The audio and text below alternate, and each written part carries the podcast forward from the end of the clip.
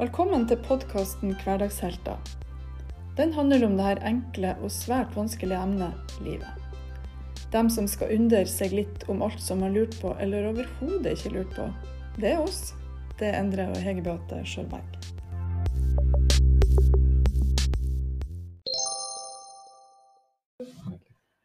Hei, og velkommen til deg, Magne Furuseth. Veldig kjekt å ha deg med her hos oss i dag. Kjekt for meg å være med om. Ja. Em, De fleste Magne de kjenner deg vel som Magne prest, hvis det er lov å si? Det tror jeg stemmer, sjøl om eh, det kan vel hende at det er noen som kjenner meg litt bedre som en eh, aktiv eh, mann innenfor håndballmiljøet. Har holdt på med håndball noen år her i byen. Mhm. Det er bra. Nå har mange sider, både kjente og ukjente sider. Som, eh, men hvem er du, Magne? Kan vi starte litt med å sånn, Bortsett fra håndballen og, og det å være prest. Hvem, Ja, hvem er Magne? det er jo litt eh, Kan jo være et stort spørsmål, men jeg kan jo kanskje koke det ned til å si at det er en enkel sjel fra landet. Jeg har eh, vokst opp på en gård nede på Romerike, ikke så langt ifra Jessheim. Det var vel mest det vi kaller for kønn og poteter, for å bruke dialekta jeg hadde den gangen. Og eh, faren min var maskinentreprenør i tillegg. Eh, Så vi har jeg da to eldre brødre, ei yngre søster. Jeg vokste opp på en gård med foreldrene mine og besteforeldre, farfar og farmor i nærheten. Og vi måtte vel lære forholdsvis tidlig å være i aktivitet, eller vi måtte jo jobbe. Så det var vel å betrakte som barnearbeid det vi var innom en del.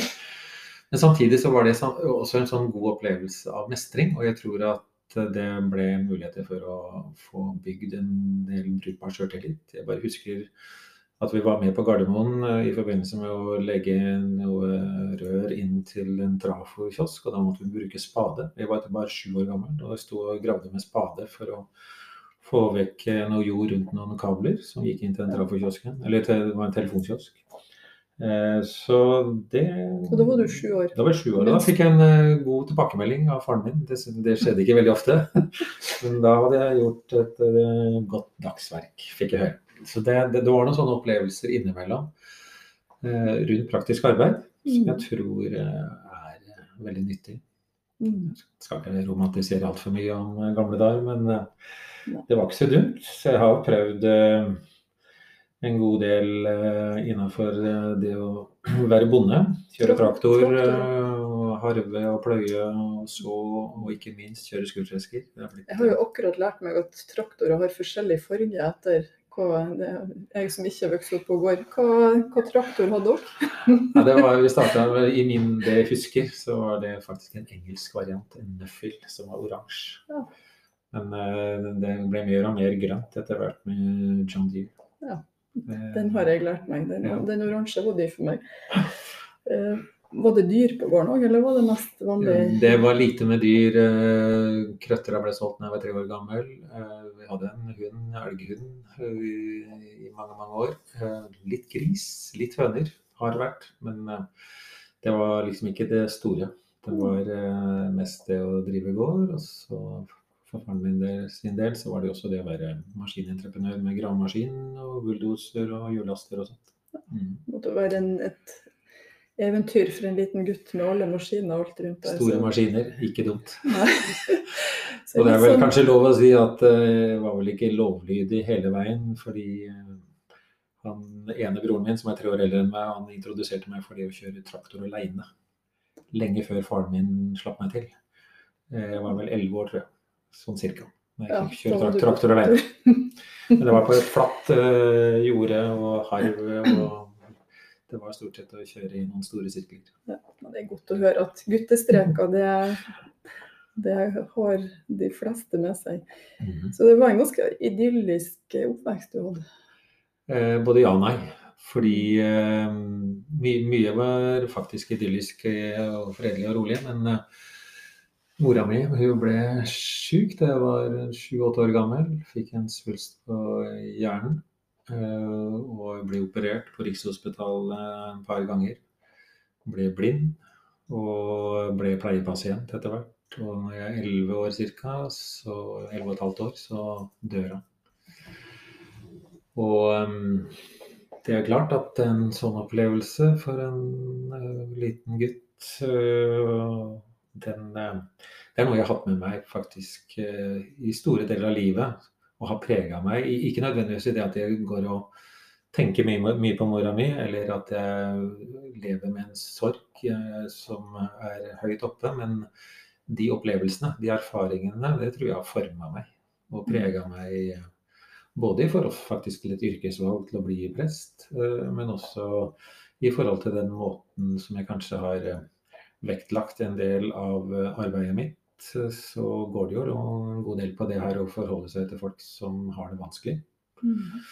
Så det er nok noe der med en sånn ballast eller erfaring som har gjort det viktig for meg Mm. å kunne møte folk også når ting er kaotisk og tragisk.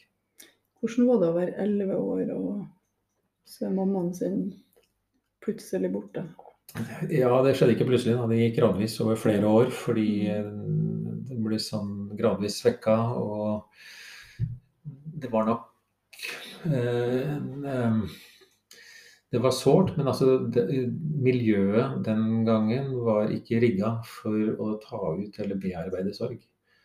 Uh, så det var mer det her å bite tenna sammen, krumme nakken og gå videre. Vi skulle ikke snakke om det. Det var ikke språk for uh, å snakke om sorg uh, på 60-tallet når det her skjedde. Mm. Begynnelsen av 60, eller 64.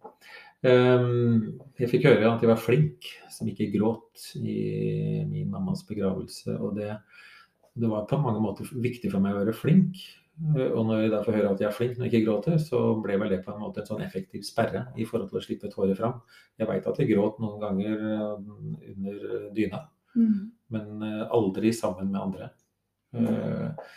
Og det var nok noe som på en måte bygde opp en sperre i forhold til å bearbeide vi kan kanskje bare ta med det nå med en gang at uh, det gikk 22 år før jeg fikk anledning til å gråte.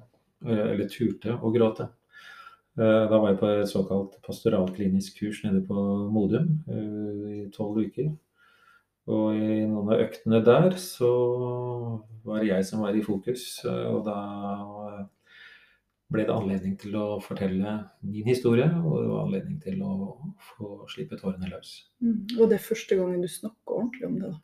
Snakka ordentlig om det er vel riktig å si. Fordi mm. det var vel en periode etter at jeg ble gift, og broren min, den ene broren min var gift, og disse damene nesten rota seg sammen og utfordra oss på å snakke om det som hadde skjedd, og hvordan vi hadde takla det, og hvordan vi følte det og sånt. Mm. Så det var vel noe som var framme i den alderen der eh, ja, 5-26 år gammel. Men, eh, mm. men da hadde du jobba som prest en stund allerede? Ja, da jeg var på Modum, så hadde jeg det. Da hadde jeg vært uh, prest i seks år. Og da hadde jeg også jobba mest i Forsvaret, men jeg hadde også jobba en del sivilt, så jeg hadde hatt en del begravelser.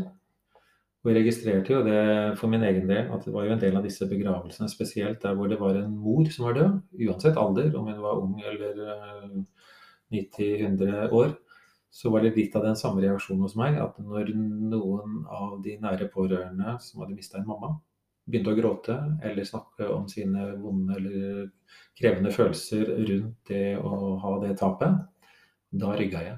Da greide jeg ikke å være nær, eller være til stede. Altså Jeg stakk ikke av rent fysisk eh, løp ut av rommet, men at det uh, dreide samtalen elegant over på praktiske ting, som hvem skal bære kista, og hvor ligger grava hen, og mange sånne ting. Hvem, hvilke sanger skal vi synge?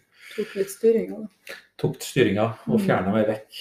Eh, og oss vekk, da, eller i den, den familien vekk ifra det som kanskje har vært enda viktigere akkurat der og da å få lov til å, å, snakke om det som var vanskelig eller vondt eller sårt mm. i forhold til det å miste. Ja. Det ble litt for nært for deg sjøl? Ja, men jeg, jeg, tror det at um, en, en, sånn sår opplevelse som barn, når den ikke er blitt bearbeida, så er det ingen ressurs eh, egentlig, men minst like mye en eh, angstgreie som gjør at en trekker seg unna og ikke tør å være nær nok. Mm. Men eh, med litt bearbeiding og så ble det ikke så farlig lenger.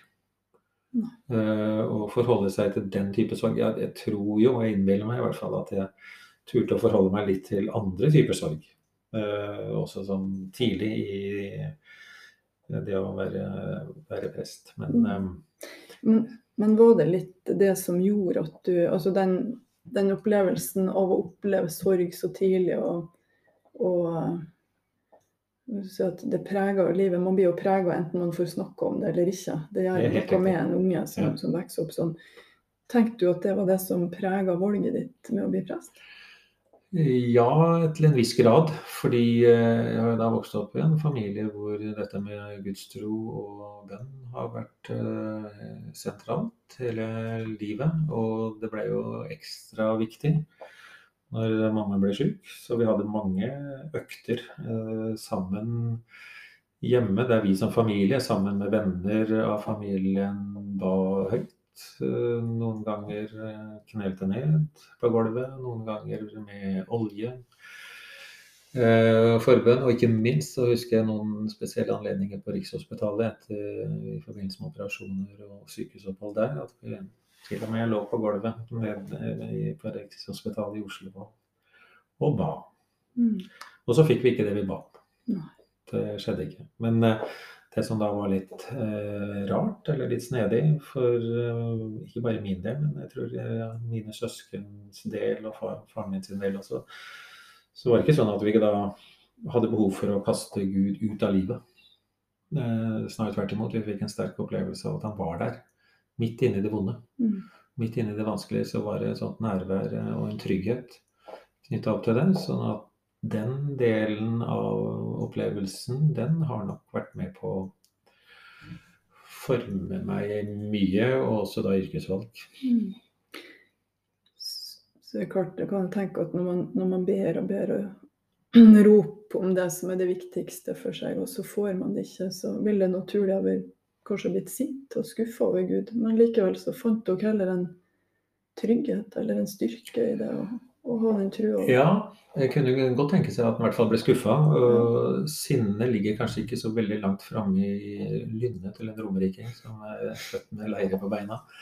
Men eh, ja, eller egentlig å koste ting under teppet i stedet. Men, eh, men når du nevner det, så har jeg bare lyst til å ta fram en ting til også, eh, som eh, vel har prega meg. Det, det hadde kommet langt eh, i utdanningsløpet. Jeg var ferdig med den teoretiske delen av prestestudiet. og skulle den dagen jeg skulle begynne på det som heter praktikum, det siste året, med praktisk tilrettelagt undervisning, så ble han eldste gutten vår, det vil si at han var jo eneste da, han var ett og et halvt år, han ble lagt inn på Bærum sykehus med diagnosen øh, hjernehinnebetennelse. Mm.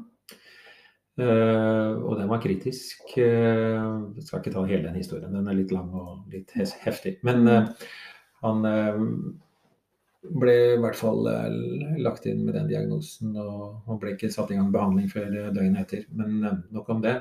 Det som uh, framkalte sinne hos meg, det var at jeg møtte sykehuspressen i korridoren i, den, i det at uh, han ble frakta over fra flermannsstue. Uh, det var flere barn på samme stue, men så skulle han opp på isolat og sette i gang aktiv behandling etter å ha vært på sykehuset nesten et døgn. Uh, og da hadde vi fått høre diagnosen først da. Jeg, fikk ikke med meg at han, barnelegen som la inn, brukte ordet meningitt. Det, det skjønte ikke jeg da.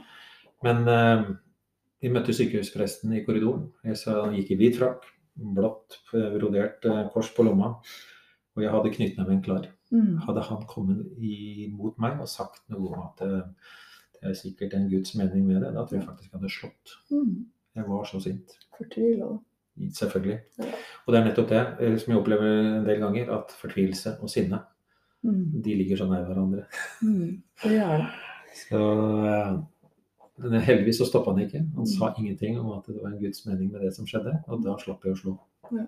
Mm.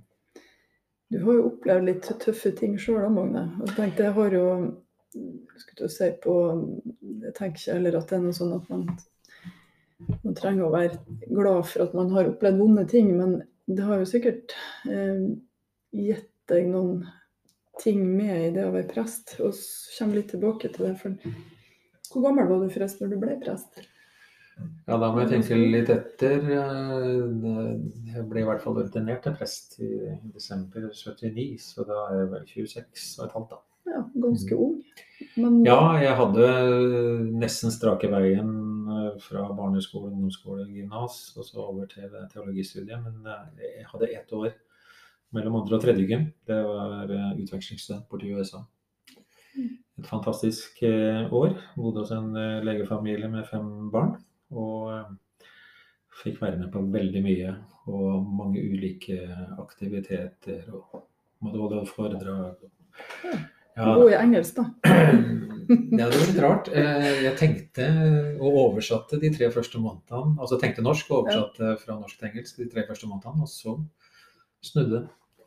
Så da var det andre veien. Begynte å tenke engelsk. Tenke engelsk og drømme engelsk. Mm. Mm. Har du vært der selv? eller? Ja, bare én gang. At jeg har vært der, der Ja. hos den familien. Og ja, min vertssøster har jeg møtt en gang seinere også i New York. Men jeg bodde i Tennessee, ikke så langt fra Hillbillies. Mm. Til countryland nesten. Så det var mye country. Jeg har vært, vært i Nashville flere ganger. Vært på Grand Ole Opry en par ganger. Ja da. Ja, sikkert mye gode opplevelser. Og, Fantastisk, Ja. egentlig. Mm.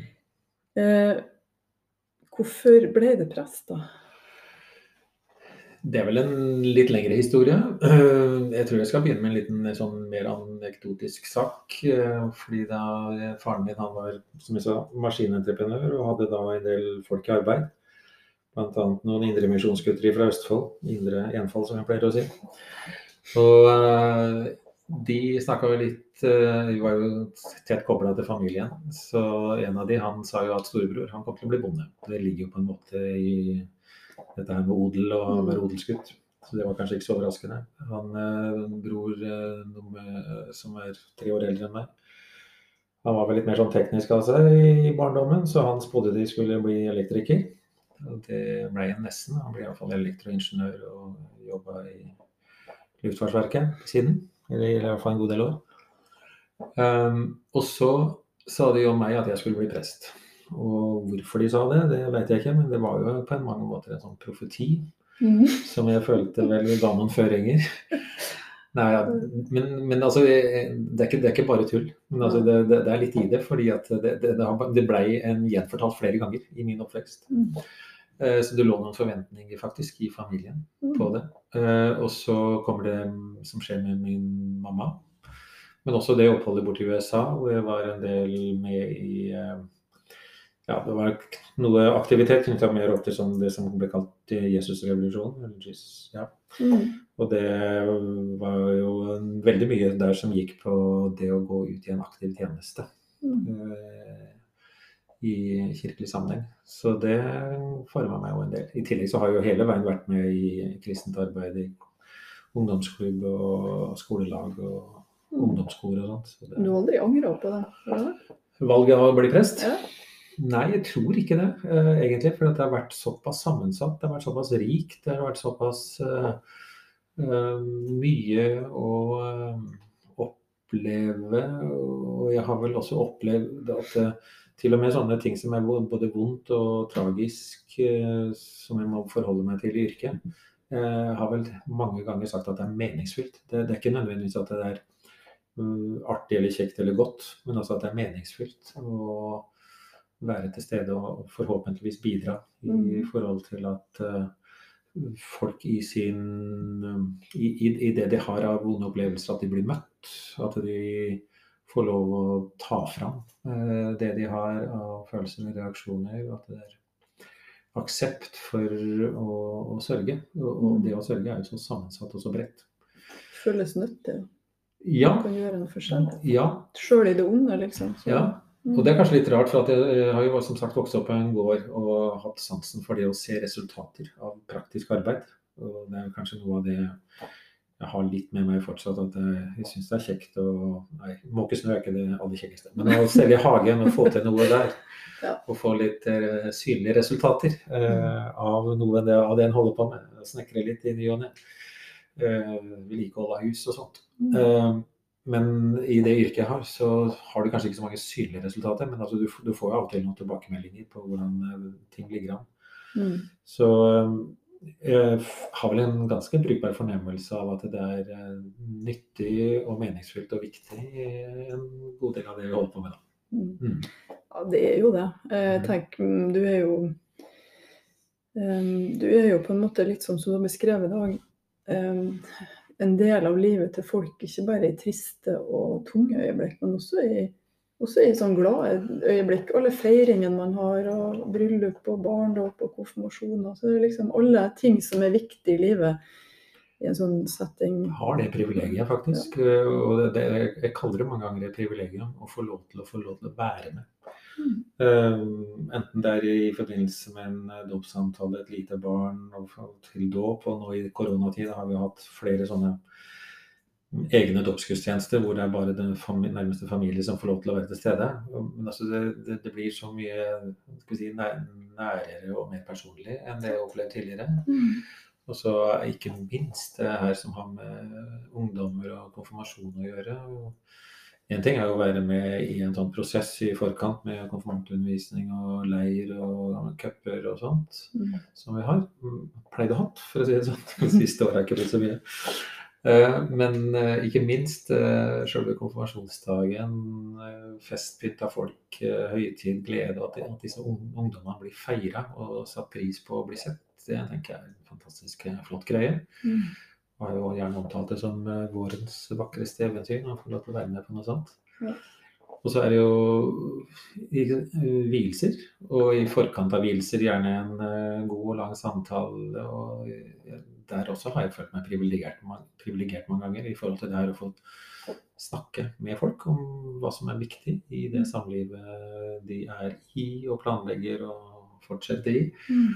Så um, Nei, det å få lov til å være med i disse viktige delene eller anledningene i livet, det syns jeg er eh, flott. Mm. Og så er det jo det, da, hvis du på en måte ser dette her litt over langs eh, i det yrket jeg har, så møter jo spedbarn, møter en god del barn eh, i sånne opplegg rundt fireårsbok og seksårsbok og sånt ungdommer med konfirmanter, og ikke minst uh, mye tid på sykehjem og dagsenter og mm. sånt, hvis en får lov å slippe til uh, pga. smittesituasjonen. Mm. Så at jeg har det aldersspekteret, fra null til noen og hundre og litt til.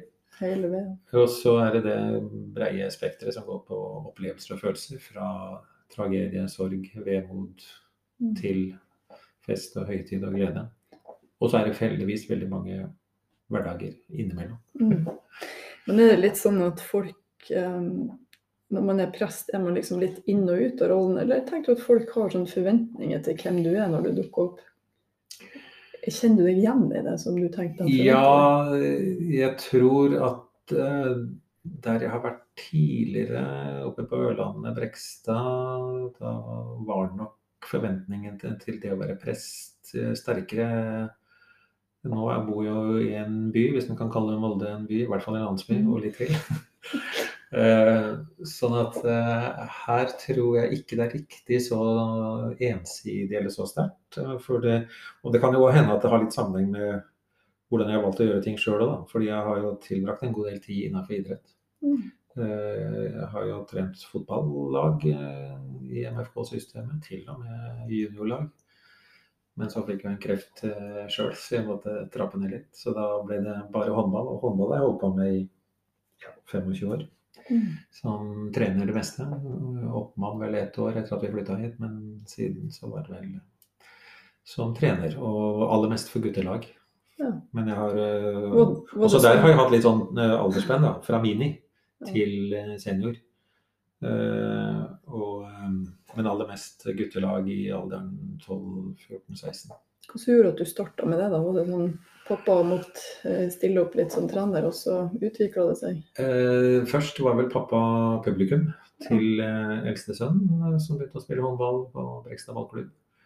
Og når jeg først var i hallen og tilbrakte litt tid der, så kom jeg i kontakt med håndballmiljøet i større grad. Jeg var jo i kontakt med fotballmiljøet allerede.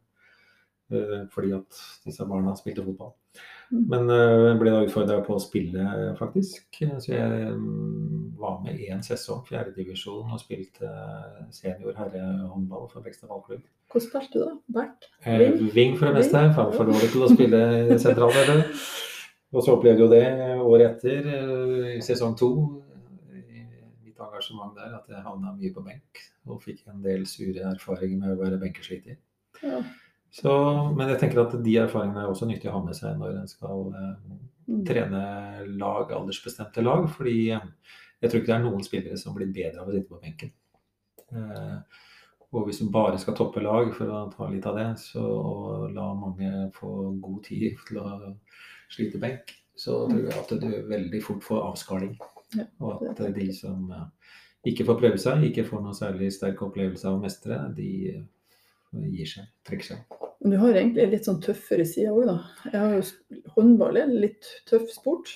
Ja, altså nå er ikke jeg ute på banen så veldig mye og spiller, men eh, jeg har jo ofte sagt at håndball er ikke en kampsport, men i ganske høy grad en kontaktsport. Og når jeg eh, trener da eh, guttelag spesielt, så, så går det jo veldig mye på det her å tørre å være kontant, eh, real og fair i det en gjør. Altså en skal ikke være brutal og slå eller sparke eller eh, rive. For det finnes en god del regelverk eh, som skal overholdes ute på en håndballbane. Men at en er at det er kontakt, og at en skal bruke muskler i møte med andre, det skal en. Men ikke noe i retning av slag og spark, for å si det sånn. Fair play. Fair play.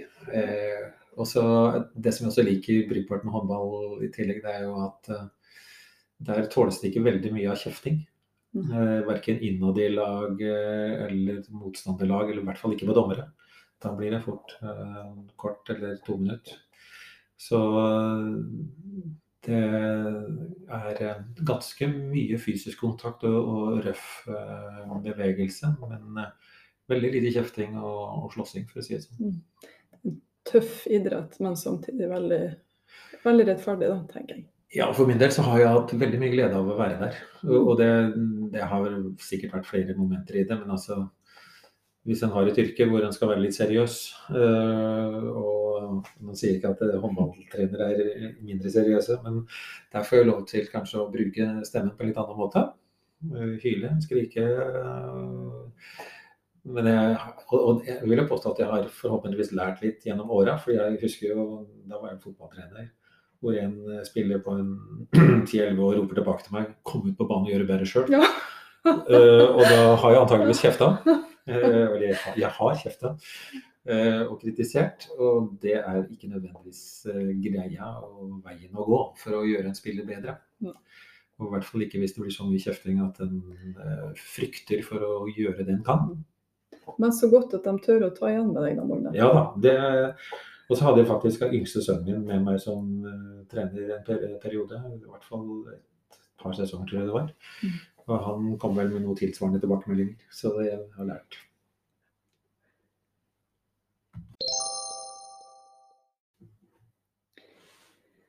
Det er jo eh, veldig kjekt å få høre om eh, de forskjellige sidene dine, Magne. Du har kanskje kjent minst til det med idretten. Um, når jeg første gang jeg møtte deg, det måtte være på slutten av 90-tallet en gang, mellom 95-96 og ut. Da jobba jeg på sykehuset i akuttmottaket. Ganske ung sykepleier som opplevde en del um, det skjer jo ganske ting ganske brått og fort ofte da, som gjør det at folk, livet til folk endrer seg på et øyeblikk. Ifra at man, ifra at man har det fint, og plutselig så, så skjer det en ulykke eller en, en hendelse som gjør at livet blir totalt annerledes. Og det var mye folk i krise og sorg. Eh, og når jeg møtte deg, og jeg hadde deg med på sånne ting, så opplevde jeg en veldig til trygghet i det vanskelige.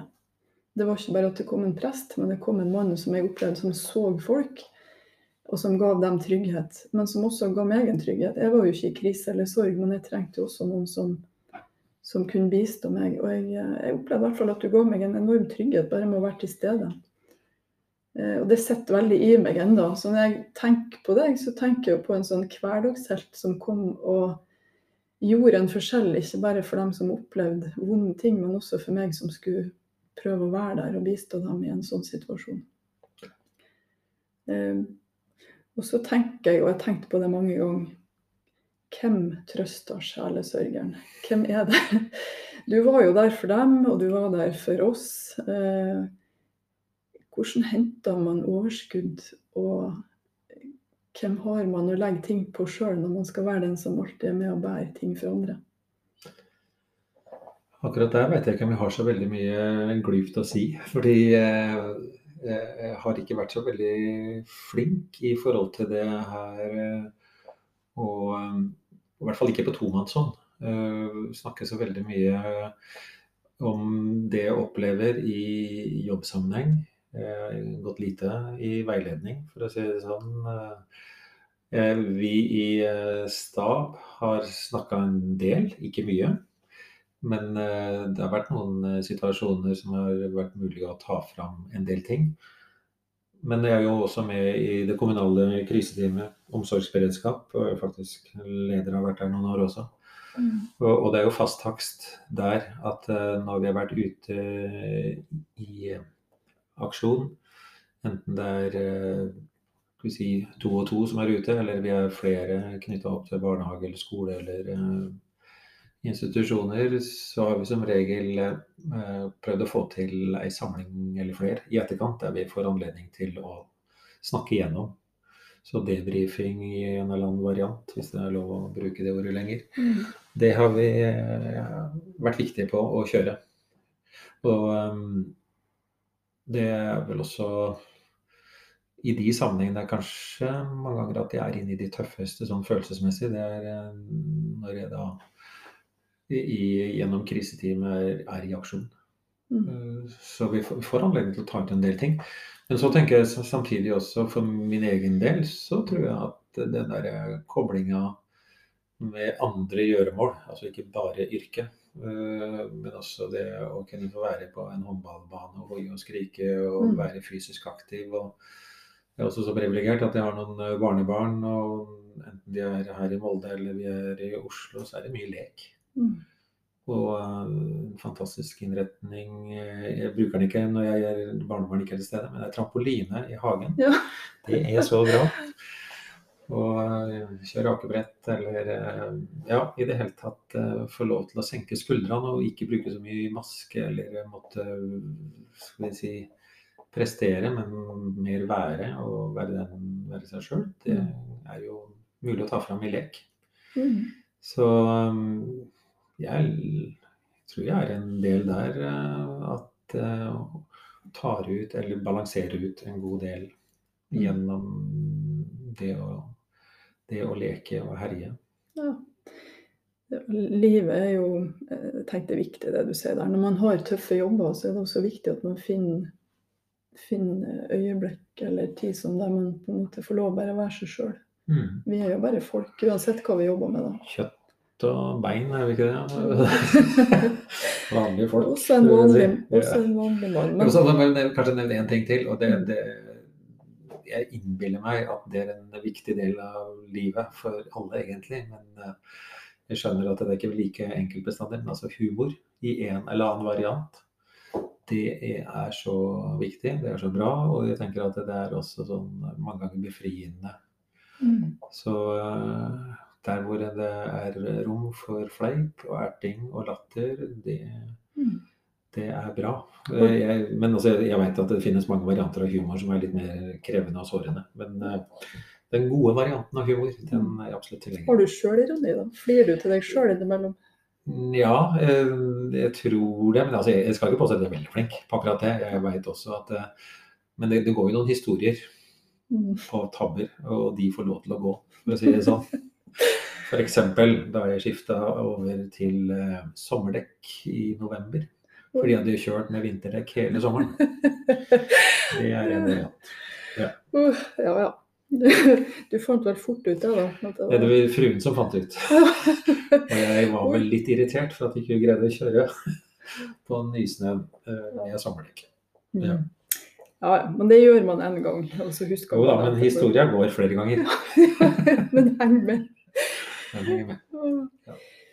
Men um, Nei, det er godt med humor i, i, i det meste. Det tenker jeg òg er befriende. Men, men når man har jobba så mye med, med folk i krise og sorg, tenker jeg litt sånn Hva, hva trenger folk egentlig? Um, tenk, hva, hva, hva trenger man for å greie å komme tilbake? For det er akkurat når man er midt oppi ting, så er det jo det med og Det føles som man er i bobla litt sånn utenom alle andre ting. Hvordan finner man veien tilbake når, når livet stopper på et vis?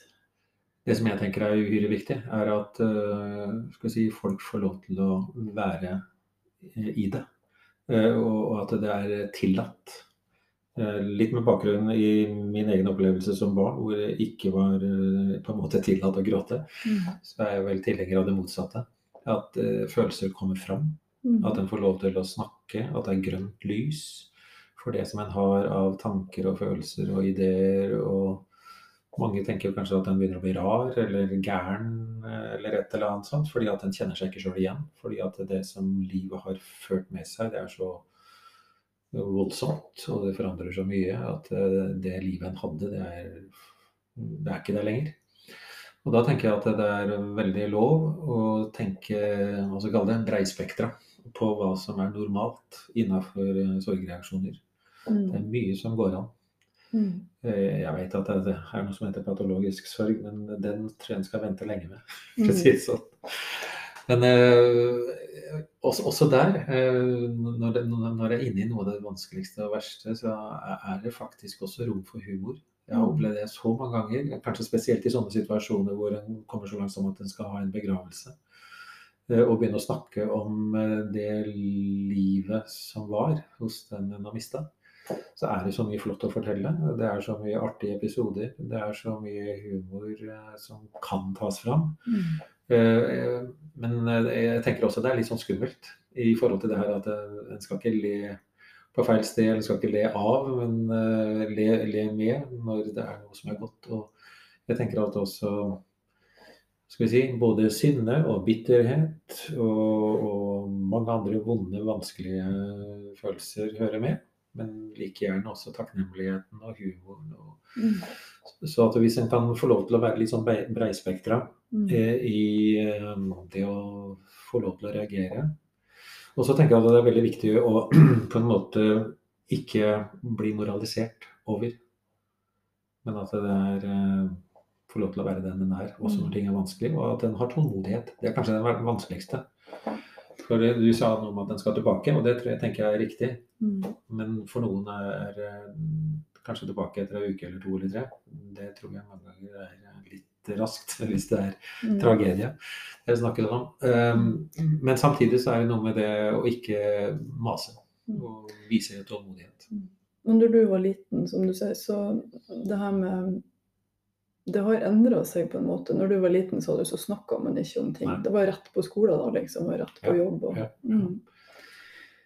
Jeg tror det skjedde et markant eh, skifte i Norge rundt noen store katastrofer. Kanskje Alexander Kielland allerede, men også Vassdalen. Mm. Når en eh, oberst står på TV og gråter, så er det noe med et mannsideal og noe av det tøffe uh, som uh, endres betraktelig. Eh, og så ble det mye mer aktuelt å både studere og snakke om krisepsykologi eh, eller psyk krisepsykiatri. Mm. Og, og, så jeg tror det skjedde en vesentlig endring på ja, rundt 1980, 80-tallet, på akkurat det. Mm. Men det du sier egentlig, det er at det er jo litt sånn Jeg tror kanskje man Kanskje mange er redd for å snakke eller si eller gjøre noe feil. Du er jo vant til sånne ting. sant? Sjøl du kan jo si at du kjenner at det er vanskelig noen gang. Men det er vel egentlig ingenting som er feil med å bry seg. Nei, eh, ja, altså det går an å bry seg på å si dumme ting. Det har jeg fått referert eh, Mm. en god del på. Eh, Om jeg har sagt mye dumt sjøl, det kan nå tenkes. Men nei, altså det, det, går vel ofte på det å tørre å være til stede. Mm. Og ikke nødvendigvis snakke, men tørre å være i nærheten av eh, folk som har det vondt. og eh, gi, i den grad det er mulig, å formidle trygghet. Du nevnte jo litt i forhold til det du opplevde på sykehuset. Og, og, og det, det, er noe med et kroppsspråk der. Fordi at det er klart at det, sånn som jeg var før jeg hadde dette her kurset nede på Modum, så tror jeg jeg hadde et kroppsspråk som kunne melde uh, i noen situasjoner at uh, dette er ikke trygt, dette er farlige greier. Uh, men, men, det er noe med det å skal vi si ja, la det vonde få lov til å være det vonde. Og ja, være til stede. La tårene renne, la praten gå, la stillheten være der. Mm. Uh, og ikke nødvendigvis uh, storme av gårde eller flykte over i noe annet. Det er veldig kjærkomment mange ganger å skifte tema mm. og snakke om været eller fotballen eller et eller annet sånt. Men og, og, noen ganger så tror jeg at det er riktig òg. Men, men, så er det noe med det som er krevende. Og det, det er det som jeg av og til kaller en sånn uh, fingerspitzgefühl. Mm. og den er, ikke, den er, ikke, så enkelt å lese seg til, for å si det sånn. Men det, det er noe med en fornemmelse av hva andre folk både vil og ønsker og tåler, og ikke tråkke over. Å liksom bli for nære eller bli for provoserende eller kommer med det moraliserende som vanligvis funker dårlig. Mm. Eh, jeg tenker at eh, en følelse er ekte, eh, som regel. Mm. Ja. Du har fått jobber, og du har hjulpet mange i mange år. Håper det. Ja, det, det, er jeg helt sikker på. Jeg har møtt deg i mange settinger. Magne, mm. og Du har gjort en stor forskjell bare med å være der. Både i gode og tøffe øyeblikk. Ehm, men hva tenker du litt fremover? Hvordan er dagene til Magne fremover nå? Ja, nå har jeg kommet i den alderen at jeg har begynt å trappe ned, faktisk. Eh, 1.10 i fjor så jeg gikk jeg ned til 80 stilling. Eh, hvor lenge jeg skal være i det, det vet jeg ikke. Men eh, jeg trives fortsatt i jobben som prest. Eh, og så er det noe med disse her barnebarna som dessverre har flytta vekk fra Molde, men eh, bor i Oslo alle sammen. Ja. Eh, så det blir viktig å være der en del også.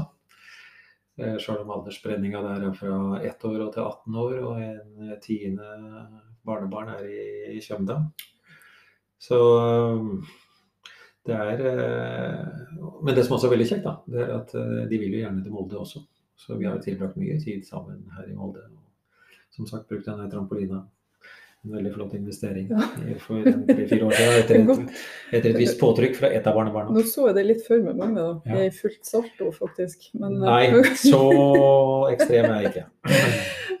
Men at det blir eh, At det kan bli bra svett på ei trampoline, det kan jeg. Det høres veldig bra ut.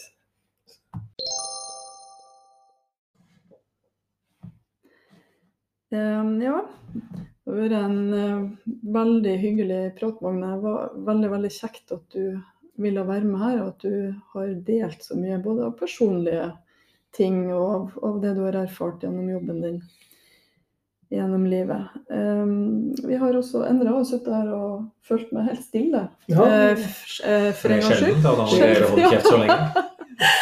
uh, men uh. Kanskje ikke så vanskelig når man sitter og hører på en interessant mann som forteller om livet sitt.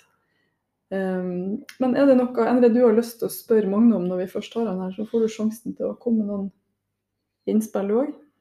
Ja, um, jeg tenker jo litt uh, det, Magne, at uh, det, når jeg hørte deg snakke, så tenkte jeg at det er ganske likt det å være prest og det å være fastlege.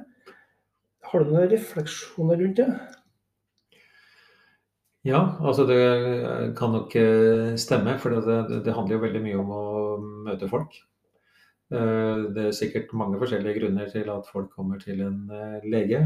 Men jeg ser for meg at behovet for å møte et ansikt, møte for å få en samtale, for, eller behovet for å kunne bli lytta til, den tror jeg er felles mm. i det å være prest og sjelesørger og det å være lege. Jeg skriver ikke ut noen diagnoser, eller, altså resepter eller gir noen diagnoser. Så, men at jeg har noen meninger om hva folk si, trenger ut ifra det de forteller. Eh, men veldig mye så går det på det å lytte eh, og gjerne la folk sjøl få lov til å komme fram med det som Mm. er eh, behovet, eller der hvor skoen trykker mest. Det vel det jeg kaller anamnese. det. Mhm. Eh, og så har jeg vel tenkt at jo gammel jeg blir, og jo mer eh, jeg har vært lege, så tenker jeg at diagnoser for meg blir mindre og mindre viktig. Mhm. egentlig. Ja. Eh, og vi er nå litt fastleger, og i ordet fastlege så ligger det en sånn en fasthet, en trygghet, alltid være her. Men jeg føler meg at prester også er litt sånn fast prest. Har du en oppfattelse av det? Ja, altså I gamle dager så var det nesten påkrevet at du skulle flytte på deg etter en fem-seks år. Ja. Eh, Det har heldigvis blitt borte. Eh, Så jeg har fått gleden av å være fast i Molde-området lenge. Bodd her siden 92 og jobba i området her i Molde siden 98. Så det mm, blir da litt over 20 år, det. 23 23 år snart. Så um, det er noe ved det som jeg syns er verdifullt. Mm. Og, og det er at en kan ha en relasjon over uh, mange år. Da mm. i, med kjennskap og vennskap, og at det innebærer en trygghet, det er jeg ikke i tvil om. Fordi det syns jeg går igjen i mange sammenhenger. At det, det er mye enklere for folk å forholde seg til et menneske de kjenner, eller har hatt en kontakt med på et eller annet vis tidligere. Enten det er gjennom idrett, eller gjennom dåp, eller konfirmasjon, eller et eller annet sånt. Å møte noen en kjenner, er enklere å ta tak i og forholde seg til, tror jeg, i mange tilfeller. enn å bare møte nye ansikt. Men da er det jo litt interessant å spørre deg. Um, tenk at som du sier, Det er mange som kjenner Magne, og mange tenker at de vet hvem du er. Har du noe, Magne, som, eh, som ingen vet? Eller ikke, ikke noen andre enn du sjøl, eller kanskje andre? Noe som er litt ei overraskende eh, opplysning eller historie om, fra livet ditt? Jeg veit ikke om jeg greier å komme på så veldig mye spennende eller artig på det. Men altså, jeg, jeg nevnte jo det at jeg har vært borti USA på et sånt uh, utviklingsår som 18-19-åring. Og fikk lov til å være med på mye. Uh, et svømmelag eh, hvor bl.a. nærmeste nabo var meget god. Han havna i et uttak til OL i Moskva i 1980, men nå ble det jo boikott, så han fikk aldri opptre der. Men uh, han var en god eh, nabo. Ellers så syns jeg det, det var veldig kjekt å få være med i eh, band, eller skolekorpset. Eh, hvor jeg spilte tuba.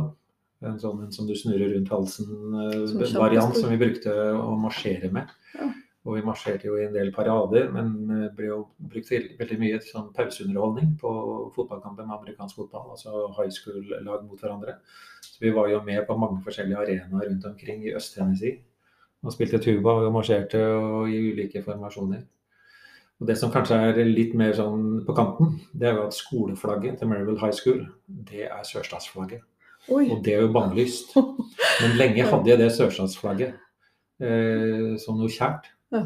Nå har det blitt mer vanskelig. Ja. Men eh, jeg var med på sånn pep rallies også i forkant av fotballkamper, hvor vi spilte Dixie-låter Mm. eh, og vifta med sørstatsflagget.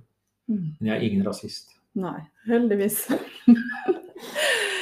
Nei, det, det er godt å høre. eh, Og det har vært veldig kjekt å ha deg her, Magne. Uh, Får håpe at du får mange fine dager fremover med nå utover våren med trampoline og barnebarn og hagearbeid. Hagearbeid blir det. Og at vi, at vi også ser deg en del igjen. Det er godt at du ikke har tenkt å gi deg helt ennå. Jeg tror du har fremdeles mye godt å gi folk i, i virket ditt. Og vi har vært veldig takknemlige for å ha hatt deg her. Takk, så Tusen takk.